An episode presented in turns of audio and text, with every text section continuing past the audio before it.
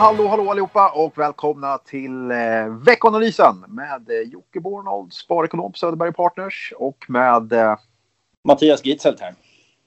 och idag hör ni kanske redan på ljudet så är jag inte i studion. Eh, men ni får överleva det. Vi får hoppas att vi kan bjuda på eh, någonting vettigt i, i alla fall när ljudet inte är som det är. Eh, får leva med det. Hur är läget Ja, Mattias? Är det Skylla bra? på höstlov. Ja, vi får skylla på höstlov. Eh, hur är läget? Det är bara bra. Jag sitter i en tyst bur så jag, jag borde klara mig. Ja. I en tyst bur låter lite oroväckande. Det är, inte, det är ingenting som har gått snett. Nej, inte hittills i alla fall. Idag. Nej.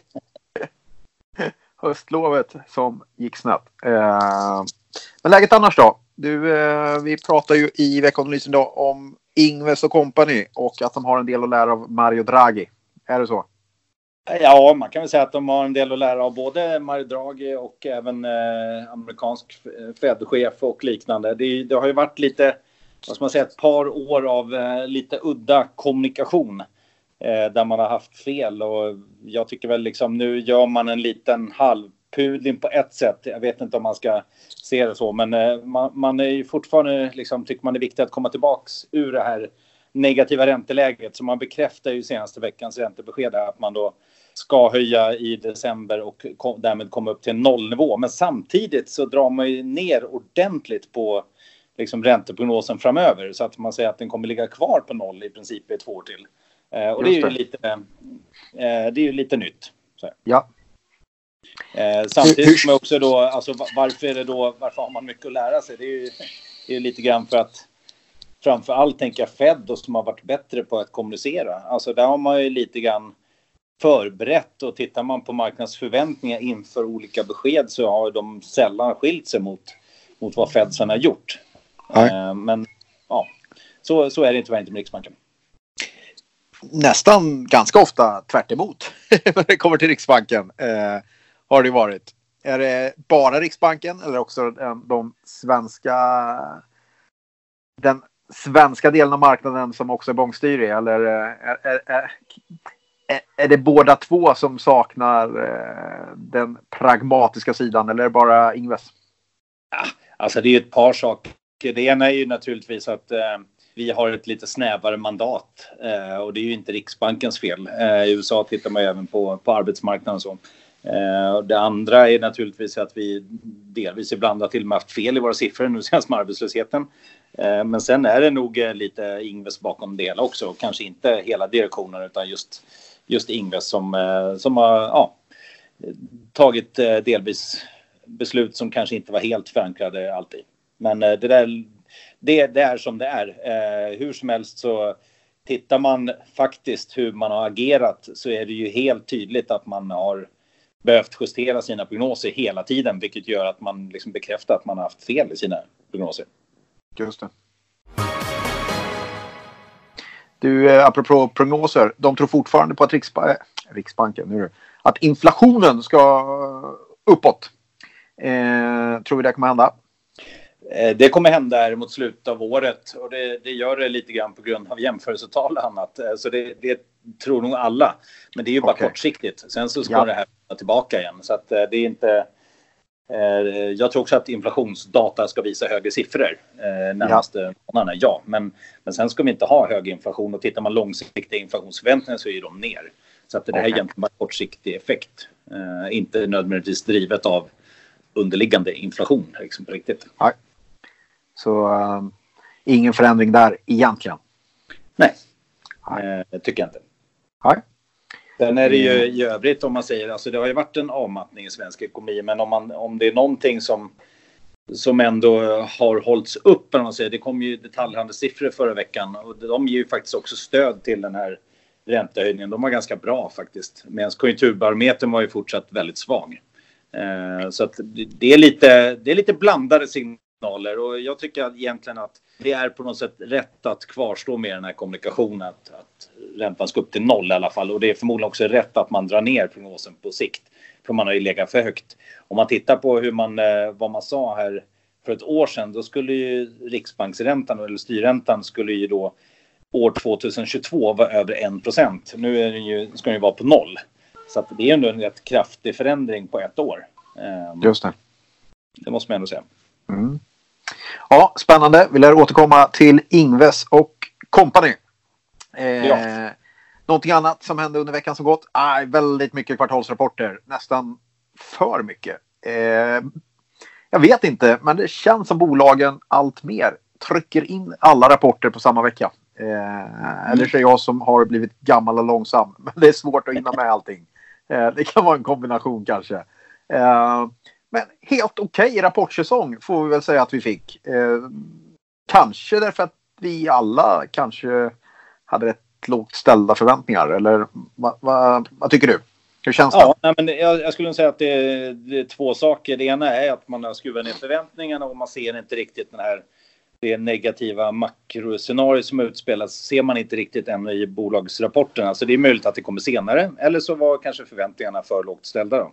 Och det andra skulle jag säga att vi ser ju faktiskt eh, svagare även bolagssignaler i övriga delar av världen. Men i Sverige kanske inte lika mycket i konjunkturkänsliga bolag just för att den här svaga kronan har hjälpt till att dopa resultaten lite grann. Och det är ju inte bara att den dopar resultatet utan även liksom gett naturligtvis vissa konkurrensfördelar. Eh, och det är Just ju, det. ja, det, det ska vi ju ha. Mm. något, något vi ska gynnas av så är det ju, är det, ju det. Ja. ja, men det är en ganska bra tanke. För det är, har varit ett gäng konkurrenter där ute i både Europa och USA som har vinstvarnat och haft det tufft. Ehm, men som du säger, man har inte riktigt sett det i deras svenska eh, branschkollegor. Och det är nog så att man gynnas lite även på försäljningssidan. Det är inte bara, inte bara vinsten som ökar utan också eh, faktiskt försäljningen. Så det är inget ont som inte har något gott med sig. Ehm, Samtidigt ska man ju komma ihåg att eh, inför nästa år så guidar man ju lite grann för en svagare efterfrågan och det här har man ju Mm. faktiskt gjort även tidigare. Så Ja. ju, alltså, vi ska ju inte räkna med att det här liksom kvarstår hela tiden. Och om nu vi dessutom har att Ingves kanske höjer räntan, i USA sänker man räntan den här veckan kanske en gång till då, eh, förmodligen. Eh, Så skulle vi få se en starkare krona så försvinner ju den effekten också någon gång samtidigt som makro allt, allt annat lika verkar fortfarande liksom försvagas. Hur tycker du man ska tänka kring att guidningen eh, 2020 känns eh, försiktigare men den känns ju inte alls så negativ som inköpschefsindex. Borde inte det vara samma personer? Ja, det kan man ju tycka. Ja, Det, inköpschefer, ja, det, ja det, kan, det kan jag på ett sätt eh, tycka, ja. Eh, jag tycker också det nämligen. Eh, och det där önskar jag att jag hade ett bra svar till lyssnarna på. Varför eh, sam, är inte det där mer samstämmigt? Men det har jag faktiskt inte. Och det där är någonting vi får grotta vidare i. Eh, och se om vi kan återkomma med ett svar där. Men man kan ju tycka någonstans att det borde rimma eh, någorlunda i alla fall. Men det känns ju som att eh, statistiken på inköpschefsindex är betydligt mer eh, negativ än guidningen för 2020. Jag skulle Eh, säga så här, det är ju, det är ju inte bara alltså inköpschefsindex. Jag skulle säga alla form av sentimentsindikatorer. Alla som har någon form av humörsindikation. Eh, oavsett om det är hos hushåll eller hos bolag. Så har ju de påverkats rätt mycket av det här handelskriget, av liksom Brexit, av olika former av orosmoln. Så alla såna här osäkerhetsindikatorer, de har liksom slagit ut ganska ordentligt. Men sen har det faktiskt upprätthållits hyfsat med aktivitet ändå. Och det är väl det som har på ett sätt överraskat men samtidigt så visar det lite grann att det är inte alltid de här, alltså det negativa humöret slår igenom utan det kanske fortsätter ändå att, eh, att handlas. Vi får se helt enkelt. Eh, men intressant är det. Eh, och eh, vi får väl hoppas då he- helt enkelt att eh, bolagen har eh, sanningen eh, mer än inköpschefsindex. Men eh, ja, vi får väl återkomma. Ah, nu kom inköpscheferna in den här gången också. Jag tänkte vi skulle skita i det här, den, här, den här podden. Men nu kom de in ändå. Eh, typiskt. Vi klarar oss inte utan dem en enda gång. Det är ett svaghetstecken. Eh, något annat som jag tänkte på är det är ju fastighetsbolagen. Vi skrev lite om dem också. Eh, och där hade vi Atrium Ljungberg, Fabege, Castellum. Eh, eh, rapporterade minskad nettouthyrning. Och det där är lite intressant ju. Och det är ju helt klart så att fokus har vänt lite grann från egentligen fastighetsbeståndsvärderingen eh, till den gamla klassiska räntenettot. Vad tjänar man för pengar på intjäning? Och det är klart att det har väl rätt mycket med att göra att eh, vissa makrosignaler ser svagare ut helt enkelt. Eh, framförallt är arbetslöshetssiffror en klassisk eh, sån signal som man kikar på när det gäller fastighetsbolag förstås. Eh, är det färre som jobbar behövs det mindre lokaler är den enkla eh, ekvationen där. Och uh, några som tog en hel del stryk. Men då får man väl komma ihåg att sektorn har gått som tåget hittills i år. Fastigheter upp nästan 40 procent. Så det kanske inte var så konstigt, eller?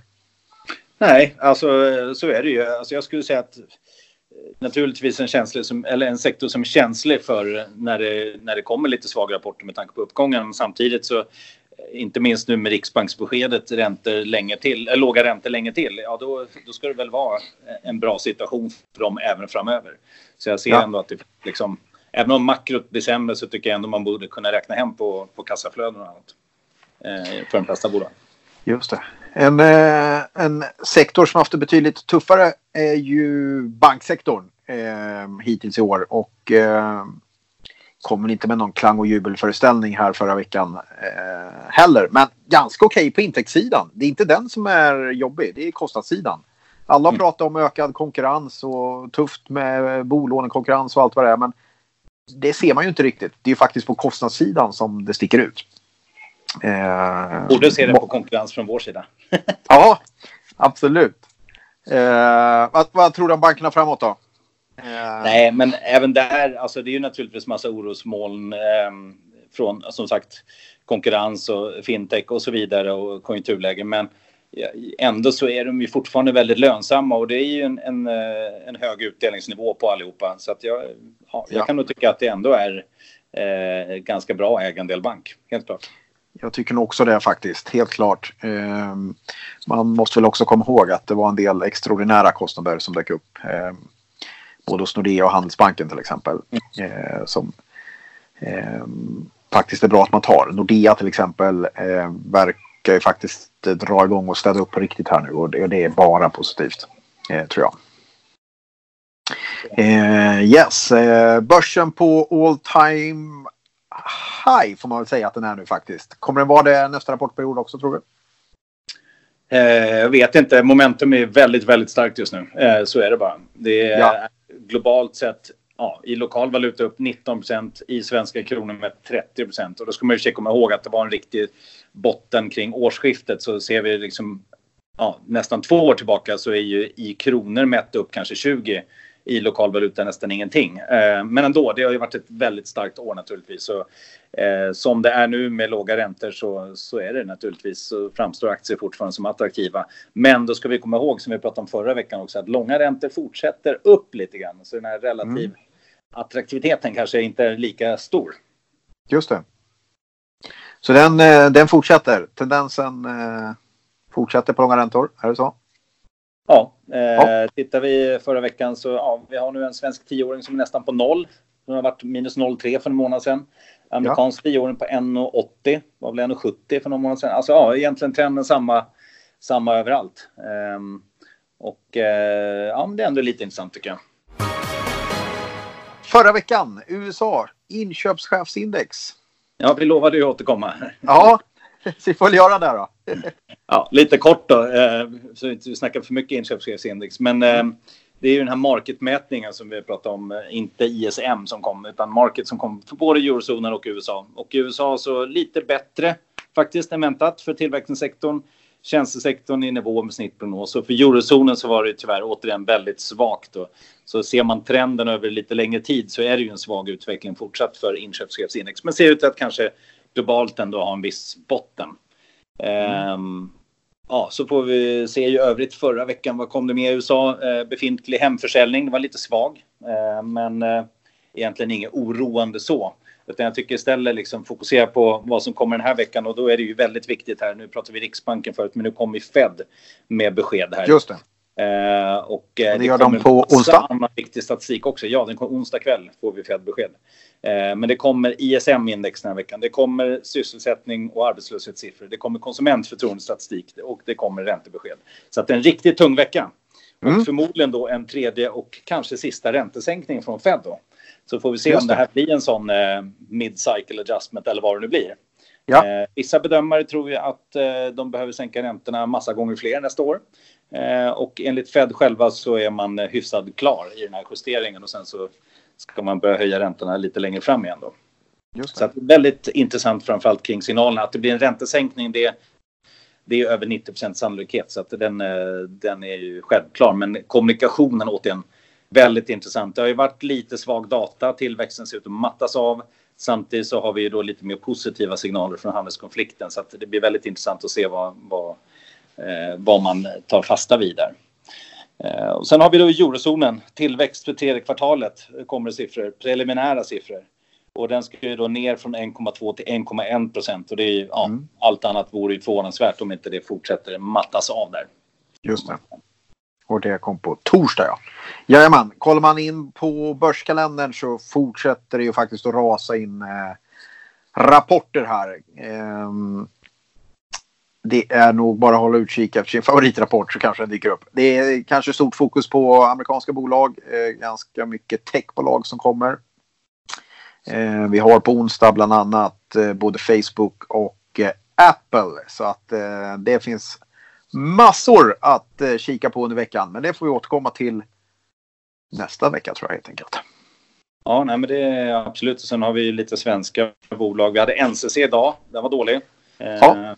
Och sen har vi Hexagon på onsdag. Och Hexagon tycker jag är lite intressant. För det är ju sån här bra makroindikator. De brukar ju säga lite grann vad de tycker om olika regioner. Så det tittar jag gärna mm. på. Det är ju rätt intressant. För Hexagon är ju sådana bolag som har vuxit väldigt bra. Men nu faktiskt väntas visa negativ organisk tillväxt. Så Just det väldigt intressant att se om, det, om de här negativa makrosignalerna slår igenom i ett bolag som är väldigt ja, konjunkturkänsligt. Då. Ja, och man tar någon till så kan man ta på fredag kommer Novo Nordisk, eh, läkemedelsbolaget, det danska, som faktiskt eh, periodvis i alla fall brukar vara det, den utländska aktie som är mest ägd bland svenskar. Eh, så där finns ett stort intresse för många. Novo Nordisk kommer på fredag. Bra! Ska vi säga tack och hej eller har du något mer att bidra med? Nej, jag tycker, eh, en intressant grej i och för sig som jag noterade faktiskt. Jag tittade på lite aktuell eh, korrelationsstatistik. Nu blir vi lite nördiga här i slutet, men om man, mm. om man tittar på hur den amerikanska high yield-marknaden har rört sig jämfört med aktiemarknaden. Och då, high yield-marknaden är alltså det segment på kreditmarknaden som har liksom sämre kreditvärdighet, alltså de obligationer som är sämre ratade. Eh, yes. Då hade de i början på året en korrelation, alltså en samrörelse mot, global, eller mot amerikanska aktiemarknaden på ungefär 0,4. Eh, den är uppe i 0,85 nu. Så att eh, om man tror när man köper till exempel en high yield-fond nu Ja. Så tror man att man det är en eh, hedge eftersom man äger räntor. Att det är en hedge mot aktiemarknaden på något sätt.